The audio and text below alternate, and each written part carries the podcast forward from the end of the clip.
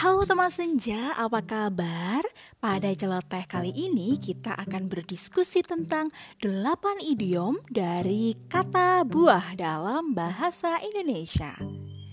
Apa saja idiom dalam bahasa Indonesia yang kamu tahu? Dalam bahasa Indonesia ada banyak idiom.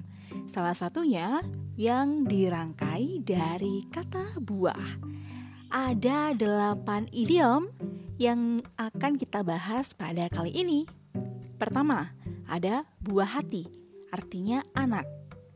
Konteks pemakaian idiom ini biasanya dalam konteks positif.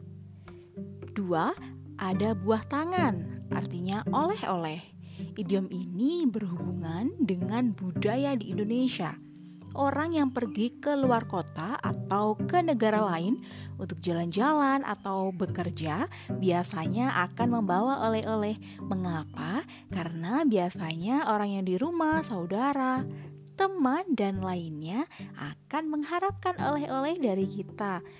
Memang untuk kenang-kenangan saja atau memang benar-benar ingin ya? Oke, selanjutnya ada buah bibir. Ini sama dengan buah mulut atau buah tutur.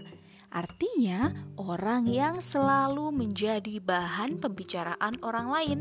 Biasanya, idiom ini berkonotasi negatif.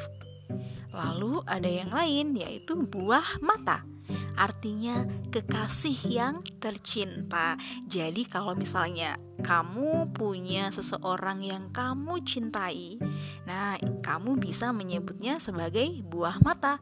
Konteks penggunaannya juga positif. Lalu ada buah karya atau artinya hasil karya. Jadi hasil produktif kamu ya. Konteks penggunaannya juga positif. Lalu ada buah pena. Buah pena artinya karangan atau karya tulis. Konteks penggunaannya juga positif. Lalu ada buah simalakama. Artinya menyebabkan bencana atau hal negatif. Idiom ini hanya untuk perumpamaan atau parabel. Lalu yang terakhir ada buah pikiran yang artinya ide. Kalau dalam bahasa kamu, apakah ada idiom yang hampir sama seperti idiom di atas? Apa saja itu?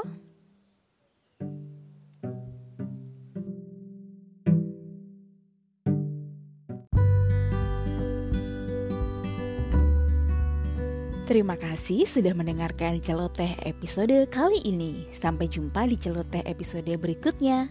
Thank you for listening to the celoteh episode this time. See you in the next episode.